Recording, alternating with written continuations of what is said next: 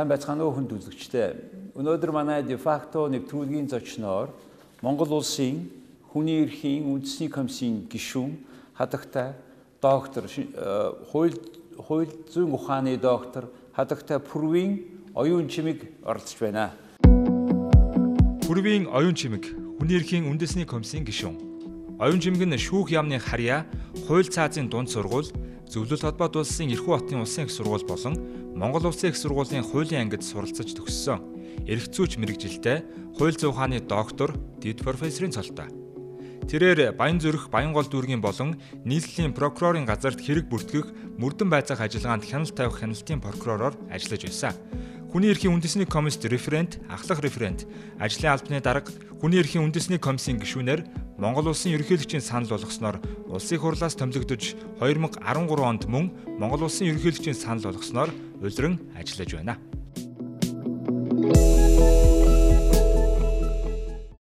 Сайн байна уу та? Сайн байна уу та? За хоёулаа ихтэй хүний эрхийн комиссийн тухай тавч үг солилцъя саяхан хүний эрхийн олон улсын өдөр гэж болсон.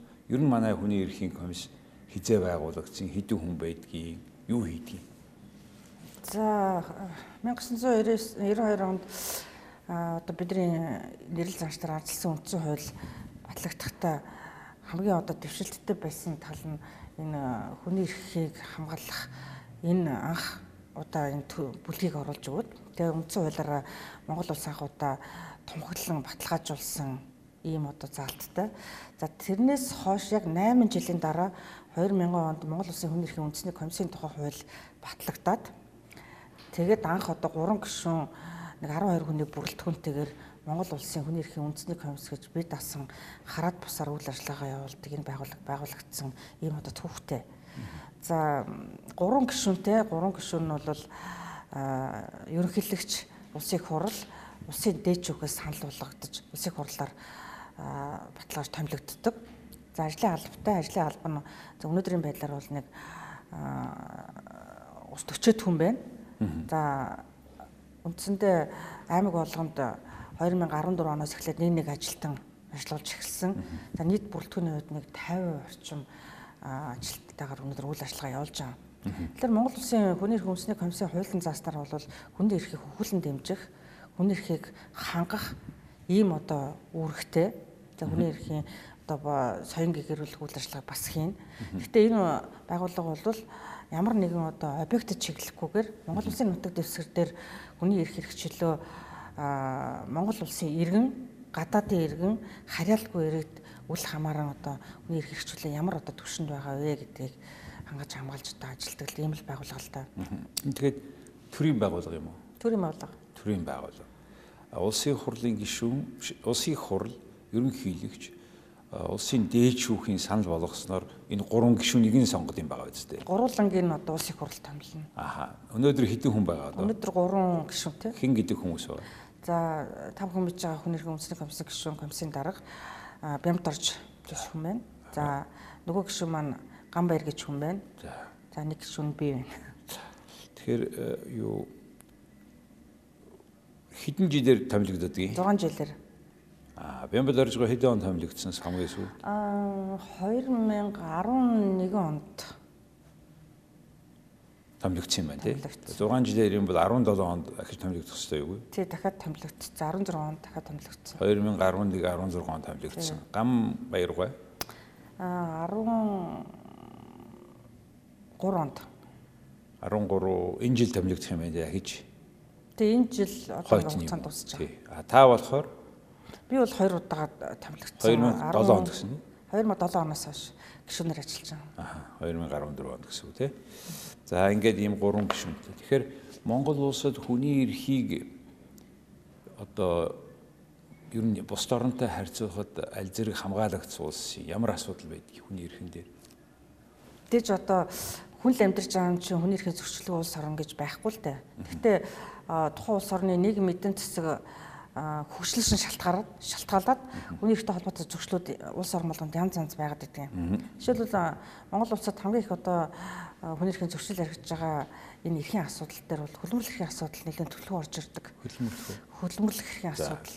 За дээрэс нь эмэгтэйчүүд эрхийн асуудал бас нэлээд орж ирдэг. Тэр дундаа одоо энэ гэрүүлэг хүчирхээлтэй холбоотой хоригчлсан эмэгтэйчүүдийн асуудал байж байна. За сүүлийн үед та бүхэн өөрсдөө бүгд мэдж байгаа энэ үндэстэн дамсан корпорацууд болон үндэсний том компаниуд үйл ажиллагаа явуулж байгаа уул уурхайтай холбоотой асуудал нэлээд төлхөө орж ирж байгаа. Яа тэгэхээр уул уурхайг дагаад нөө байгалийн тэнцэл алдах хүний эрүүл аюулгүй орчинд амьдрах эрхийн асуудал энэ дэр сүүлийн одоо 7 8 жил бол нэлээд эрчимтэй яригдчихэж байгаа. Тэгээ яа тэгэхээр энэ хөдөө орон нутаг хөгжлөөс шалтгаалаад уул уурхаан том компаниуд ороод ирэхээр нөгөө уламжлалтж ирсэн мал аж ахуйтай холбоотой хүний амьдрах эрх нөгөө чөлөөтэй оршин суух эрх эрүүл аюулгүй орчлонд амьдрах эрх гээд нэг юмнаас шалтгаалаад даагуур одоо өчнө олон эрхүүд ингээд зөрчигдөж байгаа жишээтэй энэ асуудал бас бүсийн хэмжээнд ч бас нэлээд төлхөө яригадаад идэг юм байна. За мэдээж одоо үе үеийн парламентын хуралдаан хууль байнгын хороогоор орж ирсэн нэг асуудал бол энэ эрүүдэн шүүхтэй холбоотой асуудал байдаг. Монголд 2006 онд эрүүдэн шүүхийн тусгай ялдагч Манфред Навок гэж хүн Монгол Улсын засгийн газрын урилгаар айлжилж ирсэн байна. Тэгэхээр энэ хүмүүс бол тав хүн мэдж байгаа дэлхийд ерөөсөө ганцхан байдаг албан тушаал шүү дээ. Өөрөө хүссэн газар очиод яг өөрийн биеэр тэр тухайн асуудлыг бол шалгаж нэгдсэн үндэсний байгууллага хүний эрхийн зөвлөлд илтгэл оруулж идэг ийм албан тушаал. За энэ хүн ирээд Монгол улсад бол эрүүдэн шүүлт байна гэдэг дүгнэлт хийгээд тэгээ тэрийг хүний эрхийн зөвлөлд оруулж Монгол улсын засгийн газар зөвлөмж хөргүүлчихсэн юм байна. Тэгээ энэ дээр бол яг цагдаа шүүхэн шийдвэр гүйцэтгэх байгууллага хэргийн байгууллага ялангуяа одоо яриад байгаа энэ дөрвөн бас харьцаа шүү дээ. Энүүтэй холбоотой нэрвэн шүлтийн хэлбэрүүдийг бол Тэцүү улсын байгууллагууд нэлээд томруу гаргаад тавьчихсан. Тэгээ энэний дагуу үндсэндээ энэ хүний эрхийн комиссийн бас ажлынхын дийлэг хувийн нэрвэн шүлтэд тэмцэх асуудал байсан. За өнөөдөр бол би 2000 оны ямиг 2019 онтой харьцуулах юм бол үнэхээр одоо нэрвэн шүлтийн асуудал бол эрс багассан. Гэтэ мэдээж хүн ажиллаж байна, хүнтэй харьцаж байна. Тэн дотор янз бүрийн хүмүүс ажиллаж байгаа учраас тийм зүйл гарч байгааг үүсэхгүй. А гэхдээ хуулиар хуулийн хамгаалт нь өөрөө энэ эрүүл шүүлтийн эсрэг нэлээд томрон болж тод болж эхэлсэн. Ялангуяа цагдаагийн байгууллагын тухай хууль гэж энэ цэргийн байгууллагуудын тухай одоо нэгдсэн хууль гарлаа шүү дээ. Төр дээр бол одоо нэрвэн шүлтэй холбоотой асуудлуудыг л тэр чигт нь хориглосон юм хамгаалтууд бол сайн хийгдсэн. Хуулиуд нь бол гарцсан. Гарцсан. Яг хэрэгжилт бие илтийн хувьд асуудал байгаа. Байна. Саяхан нэг цэргийг одоо удирдал эхлээд цэрэг албан үүргээ гүйцэтгэж байгаа цэрэгт байгаа. Тэгээд нас барсан 19 настай хүүхэд. Тэгээд тэр би гадны нөлөөгүй байна гэж хэлсэн. Тэр биеийн дээр байгаа нь бол тэгээ гарчдаг юм ааханы юм яриад исэн. 3 хоногийн дараа хүлээн зөвшөөрч байгаа болтой гадны нөлөөгөөр. Гэх мэт за яг сүүлийн үр дүнгийн тэр шүүгч гаргана л да. Гэхдээ юу вэ гэхээр амьдрал дээр ийм хууль журам гаргасан сайн байна. Гэхдээ хэрэгжилтэн дээр нь Гэтэ энд яг энэ мониторинг ажиглаад идэг ажлыг хэн хийдэг? Та нар хийд юм уу? Өөр институт байд юм уу Монгол? За энэ нэгэн хоёул одоо нөө цэрэгтэй холбоотой асуудал ярьсан учраас би цэргийн асуудал руу орох гэдэг юм л да. 2006 онд энэ Улаанбаатар хүрээний ангиуд хил хамгаалах ерөнхий газрын харьяа томоохон хилийн ангиуд дээр энэ хүний эрхийн шалгалтыг анх удаа хийсэн бид нар. Гэтэ энэ бол хаалттай байсан ороход нэлээд төвөгтэй байсан. Тэгтээ бид нар орж чадсан. А тэргээр юу гарсан гэхээр одоо яг өнөөдөр энэ яригадаад байгаа энэ цэргийн дэгийн асуудал бүр нийлэнхүүд гарсан юм. Тэгээд одоо энэ улсыг 2006 оноос эхэлсэн шүү дээ бид. Хэлсэн тийм за тав хүн ороод тийм. Тэгээд энэ бидний анхны зорилго бол цэрэгт яригадаад байдаг оны ялгаа байна уу? А дэг байна уу? Байвал ямар одоо хэлбэртэйгээр байгаад байна? А энийг хэн хийгээд байна гэдгийг бид анх тодруулах гэж орж ирсэн байхгүй энэ шалгалтыг. Тэгээ энэ бол хүний эрхийн маш том зөрчил байсан учраас бид нар маш сайн гаргаж ирсэн. За улсын хурлын э, илтгэлд бол энэ орсон. Тэгэд э, арми одоо тухайн үед жилсэд төвшин жанжин штабын э, удирдлагуудын цугларалт гэж болдог. Тэн дээр одоо анх удаа энийг гаргаж ирж тавьжлаа. Тэгээ энэ тэн дээр ч одоо зодуур тэр дэгээс гадна хоол, хувцлалт, хууль бус шаардлагуудыг бүгдийг гаргаж ирсэн байхгүй юу? Тэгээ энэ нэг хэсэгтээ бид нар чи 2006 онд орчоод 10 онд 15 онд энэ төр үргэлжилж ер нь орсон юм. Тэгээ яг нөгөө ингээд бүх ангиудаар явахгүйгээр ингээд за энэ энэ ангиуд гээд ерөнхийдөө ангиудаа төвөрлээд за нэг 10 20 тангаар бол орсон шүү. Хөдөө орон гэсэн. Тэгээ энэ дээр ороход юу байсан гэхээр дэгийн асуудал байсан. А тэгтээ одоо 2006 онтой харьцуулахад нууцлагдмал хэлбэртэйгээр а тэгтээ гаралт нь бол эрс багассан байсан байхгүй юу. За хоол хүнсний асуудалтай хувцсны хангалттай асуудал төр бол мэдээж агц төвчлүүд бол гарсан. Тэгээ энэний одоо нэг нөгөө талынхын дүгнэлт нь юу гэж гарсан гэхээр за яг тэр цэрэг зэвсэг техник одоо тэрүүнтэйгээ харьцдаг тэрэн дээр үнэхээр одоо мундаг удирдагч нар байна. Одоо ангийн дараа нар гэхэд хамгийн гол нь нөгөө талд нь боловсрох хэрэгтэй. Байнгын одоо мэдээлэл, давтан сургалтууд хүнтэй харьцах энэ харьцаан дээр орж ирж байгаа алдаа дотор энийг одоо байнга хийчих хэрэгтэй байна гэж. Тийм ч учраас бид нар 2018 онд энэ зэвсэг төвчний хэмжээнд нэг 40-од сурагч шиг бэлдэж өгсөн. Яг энэ одоо энэ цэргийн дэгтэй холбоотой, дөрөмтэй холбоотой, энэ эрүүшүүлэлттэй холбоотой, энэ хүний эрхтэй холбоотой сурагч нар бэлдэж өгсөн байхгүй. За та нар анги дээр очиод энийг хийнэ. Дараг цэгнэртэ хийнэ. Тэгэхээр энэ манай өнөөдөр Монголын нийгмийн нэг юм гаж тогтолцоо байгаа. Юу гэхээр ажилтнууд нь сургалтын суугаад идэг, дарга нар нь суудаг. Энэ ерөөсөө газрын цэргийн байгууллага гэлгүй юм хавтгарцсан байхгүй юу. Тэгэхээр дарга гэдэг хүн бол тийм төгс хүн биш шүү дээ. Өдөр тутмын мэдээлэл, өдөр тутмын одоо энэ сургалт тэрийг авч яж хүн ажиллаа хийлгэнөхөөс биш одоо яагаад дараа нар сухгүй вэ? Одоо завгүй л хүмүүс үт юм бэл шүү дээ. Бүх газар дарга нар хэвлийн өмж гарахгүй зугтж. Энэ хүмүүсийн чадвартай холбоотой байна уу? Арын хоолойтой холбоотой байна? Энийг юу гэж ойлгодог вэ гэхээр тэдэрт сургалт хэрэгтэй хэрэгтэй байхгүй юу? А тэгээд тэрийг хүсэхгүй байгаа юм. Одоо ялангуяа би одоо ингээд хөдөө орон нутгад явж штэ энэ чинь нодлон хэл би 16 удаа хөдөө явсан байна. Тэг хөдөө орон нутгад ажилласан байна. 16 удаа. Тэгээд би одоо аймгийн дарга нартай ингээд уулзаад ярихаар нөгөө л одоо манай аймаг тэгдэг, манай аймаг ингэдэг. А би бол бид нар болохоор тийм биш аймагт байгаа энэ хүний эрхийн зөрчил одоо энэ юмнуудыг чинь яаж одоо хамтарч хийх вэ гэдгийг санал тавиад байна шүү. За за за энэ бол том асуудал. Тэр дарга нар чинь үнэхээр та нар ингээд сургасан зөвлөсөн болоод яваад идэг. Тэр саяын тэр нас барсан хүүхдийн дарга нь 3 жилийн өмнө бас тэр газар нь ажиллаж ирсэн газар хүмүүс нас барсан байсан. Тэгээ жилийн дараа шийтгэлийнхаа хугацаагаа зүгээр болоод бид нар өөр ангид тавьсан гэж тэр яамныхын хүмүүс ярьж ин лээ. Тэгээ нэг юм механик байхгүй юм. Хүний хүүхэд өрөвдчихэд алгадчихад байгаа. За хүүхэд нь Миний хүү зэрэгт яваа их хэрэг хамгаалж яваа гэж хүүхдийн очиод алчихсан байдаг. Ийм хүмүүсийн толгойг нь илээд ингээд өрөвдөөд ингээд төр засгийн худлаа хоосон яриад ингээд дараа хичнээн хүүхэд тэр айрамд очиод алгах юм байна гэдэг дээр Монгол улс баталгаа өгч чадахгүй байгаа гэдгийг та бүхэн анхаарна үст тийм ээ.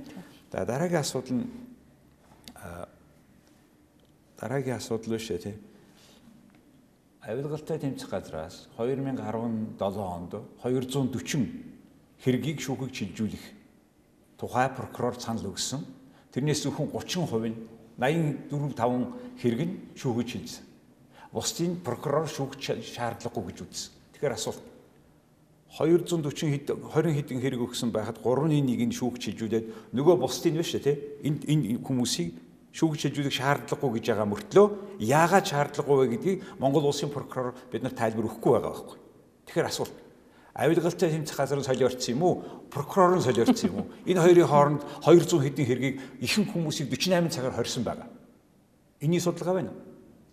Байна. Ер нь бол хоригдож байгаа, яла шитгүүлж байгаа нийт ялтан сэжигтэлэгч бүх зүйл бол манай дээр байгаа. А яагаад байгаа вэ гэхэлэр энэ нэг талд нь төр байдаг байхгүй юу? Нөгөө нь тайлан гаргаж болох хүмүүст. Гэхдээ бид нар бол бичиж байгаа шүү дээ. Одоо эрүү шүүлттэй холбоотой би нөгөө сая 224-ийн 180 хэдэн шүүхт очисонгүй шүү дээ. Прокурор ямар нэг шалтгаанаар энийг шүүхт очиулахгүй гэсэн шалтгаан буцаасан. Хэрэгсгүй болсон шийдвэрлэгдсэн эрүү иргэний хэдэ бид нар судалгаа хийж хуулийн залттай. Процесс дунд бол орох хориотой. За. А тэгэхээр мэдээж одоо таны яриад байгаа 100 хэдэн чиргүүдийн тий одоо тэр хэрэг 114 хэрэг 2017 онд байсан. За 114 тэрнээс 40 хэдхэн шийдэгдсэн. Бусдыг бас тооцохгүй гэжсэн тэрний хэргийн А хэрэгсэхгүй болцсон байх юм бол бид нар судалгаа хийж болно. Үгүй болох биш л дээ. Бид нар хэрэгсэхгүй болсон л хамгийн сонирхолтой байгаа. Эсвэл та нар хийн, эсвэл хин нэг нь хийн.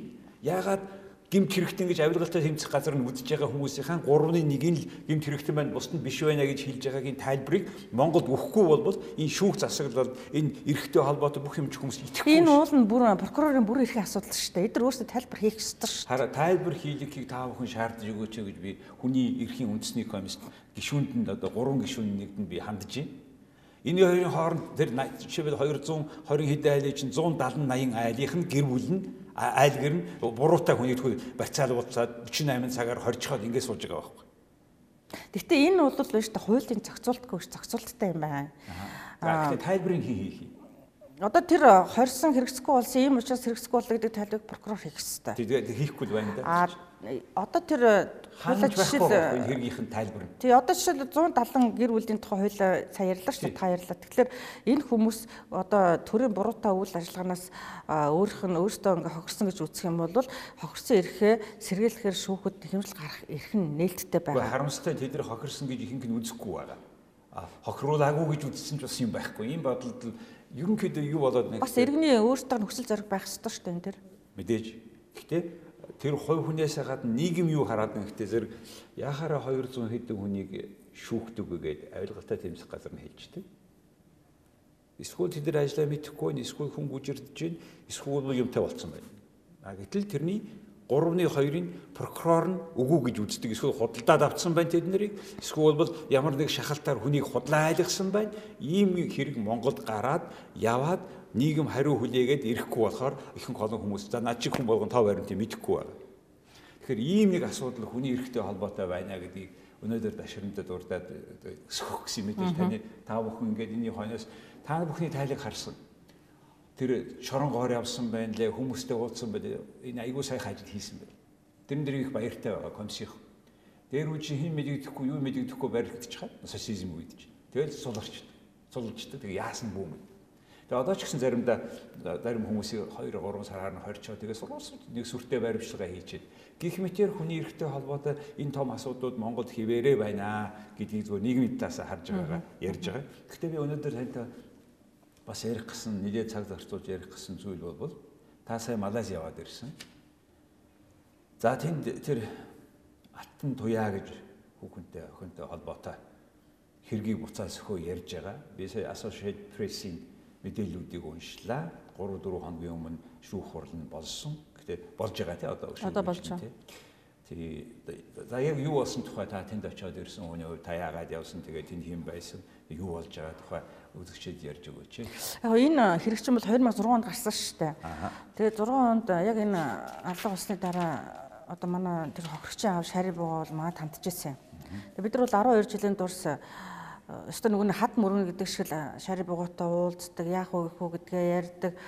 Тэгээ үндсэндээ бол яг зүгээр шулуухан хэлэхэд шари буугаан энэ одоо олон жилийн бүхэл бүтэн улас тэр системийн төлөө тэмцсэн тэмцлийн үр дүн өнөд гарч байгаа. Би бол тэгж хэлнэ. Яагаад тэгээд тэгэхээр энэ чинь 2018 оны 5 сард Махатер гэж одооний ерөнхий сайдын тэргүүлсэн нам сөрөг хүчин маш том сөрөг хүчин байжгаад тэр манайхны одоо мэдээ та тэр Нажиб Барзакийн нам намтай өрсөлдөд сонгуульд ялчлаа шүү дээ. А сонгуулийн сурталчилгааны үе болон сонгуульд ганц ашигласан бас нэлээд нөлөө бүхий материал нь бол үнэхээр одоо малаадад энэ хэрэг гарсан энэ хэрэг шудрах үннийг шийдэх юм бол тэрний төлөө би ажиллана гэж хэлж энэ хүн сонгуулийн сурталчилгаанд хэрэгэлсэн. Тийм ч учраас ганцхан шөнийн дотор сайн 800 мянган хүний тандалтайгаар өглөө сонгуул олдоход эдний нам ялсан юм байлээ. Тэгээ энэ ялсан төрийн тэргүүн маань өөрөө одоо энэ чинь Малайз хаант засагт улс шүү дээ. Тэгээ ерөнхий сайд нь төрийн тэргүүн гэж явж байгаа. Тэгэхээр энэ хүн маань өөрөө ихлээр би шударгаас хууль ёсыг тогтооно гэж. Тэгээд эн чинь яг энэс өмнөх үед нь болохоор яг тэр алга үлдсэн хоёр цагдаагийн ажилтны шүүгээд эргүү хэрэг шүүгээд ганцхан удаагийн шүүх хурал штэ. Тэгээ хуулинд нь цааз ял өгцөн. Нэг нь Малайзд байдаг нөгөөх нь Австралид дөрөв гараа авцсан. Цаазын ял гүйцэтгэгдээгүй А одооний энэ болж байгаа бол иргэний шүүх хурлаа, иргэний нэхэмжил. Тэгэхээр яг одоо тэр алга болсон газар Сэлэнгур гэж мууж байт юм лээ. Тэгээ тэр мужийн шах халам гэж дэд шүүхтэр энэ иргэний хурал эхэлж байгаа. Тэгэхээр энэ иргэний хурал гэдэг маань өөрөө манай хуулийн системээс өөр. Манайх бол Ором Германы системтэй улс учраас ерөөсөө улсын ялагчаа төрийг төлөөлж оруулаад нэхэмжлэгчээ тэгээд шүүгчийн бүрэлдэхүүнтэйг шидэж штэ. А эднийх бол англи саксоны системтэй улс учраас энд маш том бүрэлдэхүүн орж шүүгч бол ганцаараа суuna. За хохирогч нөгөө талыг төлөөлөл засгийн газар төлөөлөлд үндсэндээ 10 хүртэлх тооны өмгөлөгч нар орж байна. Нэг тал нь ихэл 7 8 10 өмгөлөгч нөгөө тал нь мөн ялгаагүй. За хохирогч бол өөрөө очиж шари бууга хүүн орлоо. За бас тухайн үеийн гэрч байсан Америк иргэншилтэй болцсон эмэгтэй орсон. За тэндээс Монгол хүн заавал нэхэмжлэх юу орчуулагч байх ёстой гэсэн учраас тэнд оршин сууж байгаа нэг охиныг орчуулагчаар албан ёсны орчуулагчаар явуулсан. Англи хэл дээр явж байгаа. Аа нотлох баримт нь бол Монгол англи хэл дээр байгаа. Материалууд нь. За эндээс хоёр гэрч очих хэрэгтэй байсан нэг нь очихгүй очихгүй гэсэн нэг эмэгтэй энэ бол очисон. Тэгээ үндсэндээ Бангкок төгөлчин сайдын яамны консул орсон. За хүний эрхийн үндэсний комиссаас би оролцож байгаа. Тэгэхээр энэ хурал маань өөрөө яагаад энэ 12 жилийн дараа болоод байна гэхээр эргийн нэхэмжлэлтэй хурал ерөөсөө огт болж байгаагүй байна. Тэгээ яг энэ сэлэнгөр дүүрэгт энэ хүн амны хэрэг гарсан. Тэгээ энэ дүүрэг дүүрэг одоо энэ муж шүү дээ мужид мужид энэ хурал болж байгаа гэдэг утгаараа а нэгдүгürt хоёрдугаарт гадны иргэнийг төрийн оролцоотой энэ амь насыг бүртлэгдсэн байхгүй. Дандаа төрийн албан тушаалтнууд энэ дэр орцсон билээ. Аа тэгээд 3 дугаарт нь болохоор Малазийн хууль чинь Малаз чи өөр 3 хууль үйлчлээд байгаа. Шариатын хууль байж байгаа. Бус маш шашин тавлс учраас за холбооны хуулиуд байж байгаа. За мужийн хуулиуд байж байгаа. Тэгэхээр энэ хуулиудын дагуу ингээд харахаар хохирч маань тухайн үед 30 хүрэг байсан. А хуулийн заалт нь болохоор 30 хүрсэн тухайн үед насрах үед 30 буюу 30 хүртэлх настай байсан бол а түүний одоо ирээдүйд олох байсан орлогыг ингээд тодорхойлж бас тэр шүүх хурлаа гэхэмжлэх боломжтой юм билээ. Тэгэхээр шари бугагийн нэг одоо амжилттай тал нь юу гэхээр тухайн одоо Малайзид үйл ажиллагаа явуулдаг Карл Карпал Синг гэдэг маш том одоо хуулийн компанитай гэрээтэй ажиллаж байгаа. Тэд нар хүмүүс бол хохирчийн өмнөөс шүүх хуралдаан дээр одоо хэдэн мянган хуудас материалыг гаргаж тавьж шít.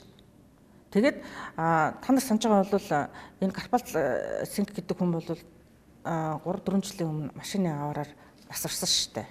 Тэг хүүхдүүд нь одоо үргэлжилж байгаа.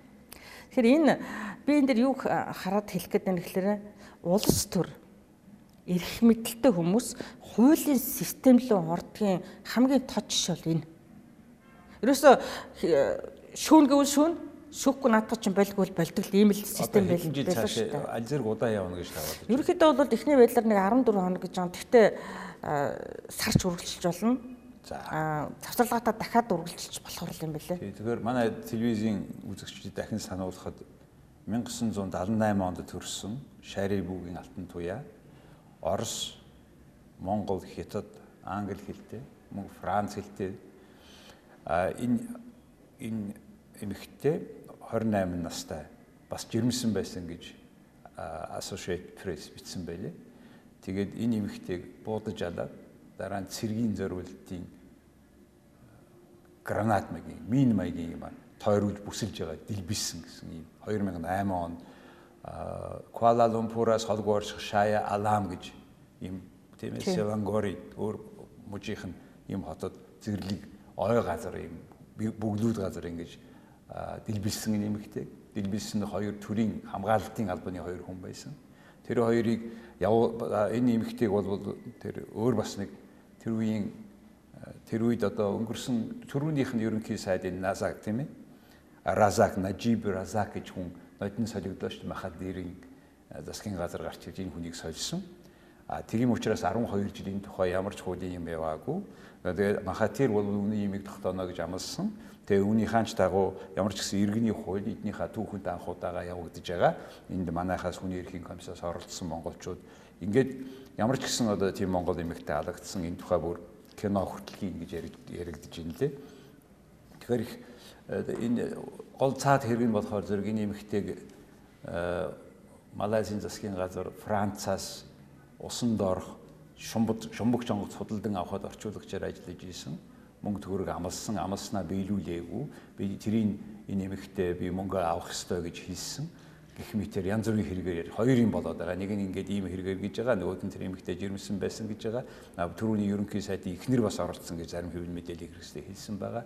Ийм учир нь олгогдохгүй ийм аимшигтай гэмт хэрэг болсон Монгол эмэгтэй ингэж алагдсан. Тэгээ энэ хэргийг 12 жилийн дараа монголчууд анхааралтай харж байгаа. А Малайзид бол хүн болгон мэдж байна. Би 2 жилийн өмнө очиод таксины жолооч хүртэл чи хаанаас ирсэн, Монголоос ирсэн гэмээр шууд алтан туяа гэж хэлж байна дээ. Тэгэхээр Малайз дотроо ч гэсэн шудраг ёсны төлөө энэ хүмүүсийнх нь одоо тэр нүд нь бол одоо яг энэ нүдчих нь одоо энэ шүүх шүүх хараа сууж байгаа юм байлээ. Тэгээ ямар ч гэсэн манай энэ шүүх ажиллагаа эхэлсэн байгаа тийм. Тэнд ээж нөтсөн гэж ойлгож байгаа тийм. Хэний алтан туяагийн. Сая хууль дээр шүүгт аав очсон юм одоо Аав очсон байгаа. Тэгээд тэр тодорхой хэмжээний хохирол нэгсэн байгаа. Тэгээд энэ бүхнийг тэг хамгийн гол нь тэр нөө шүүх хоёр тэр бие хамгаалагчийн хуулингийн а, цаазаар ядах шийтгэл өгсөний дараа 2 жилийн дараа нэг нь Австрали руу гарсан нэг нь зугтцсан. Тэгээд тэр Австралид гарсан нөхөр нь сая ямар мэдээлэл хийсэн байна гэхээр өчигдөрхөн энэ хэрвээ намайг цагаатгах гэж хэлэх юм бол би бусад мэдээллийг өгнө гэж тэр хүн хэлсэн байна. Тэгэхээр бодиттой үнэн ер нь ялж магадгүй. Тэр хүний яг яг юу болсон тухай монголчууд мэдэж магадгүй. Ялангуяа энэ олон жил хөөцөлж араас нь явж байгаа аав ээж нь чи одоо зөндөө зовцсон хүмүүс явж байгаа тийм ээ. Энэ хүмүүс үнэн шударгын төлөө явж байгаа гэж ойлгоод юу явж байгаа. Тэгэхээр за ийм нэг хэрэг ингээ гарлаа та очиод ирлээ. Гэх мэтэр гадаадад хохирж байгаа монголчууд дээрээ одоо ямар хөө хэмжээний тав ухаан анхаарал тавьж юу болдг юм бэ? Одоо яг шүүх хуралд орж байгаа энэ процесс бол анхных нь. Оо за за. Яг анхны одоо комиссийн төвхөнд бол анхных нь байгаа байхгүй юу? Аа Швед, Солонгос, аа Австралийн комисстой бол бид нар энэ тэнд оршин сууж байгаа тэнд одоо ял эдэлж байгаа ч гэдэм юм уу эсвэл одоо тэнд ямар нэгэн байдлаар хохирцсон ийм асуудал төр бол комиссийнхантай хамтарч юм. Одоо шил Солонгос гэхэд л манад одоо 30 40 мянган иргэн байж гэнэ гэл тэнд 46 одоо тий одоо тэнд байж байгаа а, хохирцсон монголчуудын асуудал дээр бол Солонгосын комиссар бид нар дамжуулж комисс нь тэнд тусгаалж одоо монголчуудтай ажиллаж байгаа. Швед ямар улсууд хүний эрхийн комиссард дамждаг гинэ? Австрали Аха Австрали. Швед гэсэн. Тэг Швед рүү бол яг нөгөө омбудсментэй тэднийх А омбудсмен яриа. Тий, аа, За тэгээд- Австрали, өөр а Солонгос ээж гэн Солонгос, Мямар байж гэн. Мянмар. Аха. Тэг энэ одоо консультор нэг хүчтэй бид нар ажиллаад байдаг. Бусад орныхыг яах вэ? За бусад улсууд дээр бол а, мэдээж одоо Европын улсууд бол бүгд омбудсментэй байж байгаа. Аха. А шаардлагатай тохиолдолд бид нар бүсийн байгууллагууд руу нь хандна. Аха. Одоо Австрали, аюу Америк, Европ бид нар чинь бүгдээрээ одоо хүнэрхийн комисстой шүү дээ. Аз ганцхан байдаг байхгүй юу? Аха. Азад бол хүнэрхийн үндэсний чуулган гэдэг Австрали төвтэй энэ бүсийн хариуцсан юм том байгууллага байдаг. Тэгээ тэргээр дамжуулж харьцаж байгаа. Тэгэхээр энэгээ эдгээр орнуудад гинт хэрэгт ороод орооцолдоод буруутай үгийг шуугдахдаа ш тэрэн дээр ийм хуулийн үйл ажиллагаа болох юм бол тэнд хүмүүс тухайн орны хүний эрхийн комиссар нь юм уу омбудсманэр нь юм уу дамжуулаад манайхаас хүн орооч гэсэн хүсэлд тавьж болох юм байна тийм үү? болно. Бид нар бол зүгээр тэр байгууллагууд нь та нар манай иргэн ийм учиртай байна. Тэгтээ гомдол гаргахад шүү дээ. Ар гэрн гомдол гаргахад шүү дээ. Тийм учраас энэ дээр одоо хамтарч ажиллах ийм хүсэлтэй байна. Та бүхэн дээр туслаач ээ гэдэг. Тэр хүмүүсийн энд байгаа ар гэр нь Тий. та бүхэн байгаа. хүсэж гаргаж болох юм байна шүү. Тэгэхээр та нар юу болов гэд холбогдох байгууллагууд руу холбогдоод тэгээд тэр шүүх хурал дээр нь хэрэгтэй бол бид оролцсноо гэх юм байна тийм. Тий. А тэр чинь бас тэгээ мэдээж тэр чинь э, бүх шүүх зөв буруу гэж гардаг тий. Алин дээр нь ч Тэгэлгүй гэсэн. Ямар ч гэсэн хуулийн хамгаалтын нэг нь энэ юм байна. Тэгээ ер нь бол энэ чинь нөгөө нэг хүний газар тэгээд а, бид нар ч зүйн харилцан тусалцаагүй гэрээтэй орнууд зөндөө байна те. А тийм орнууд байт. одоо шил сая малаз гэдэг тэгэхэд зүйн харилцан туслах гэрээ байхгүй юм байл шүү дээ манайх. Аха. А тэгэхээр тэнд одоо өрөмжид консул гэж байж тэр нь малаз хүн байж байгаа жишээтэй тийм ээ.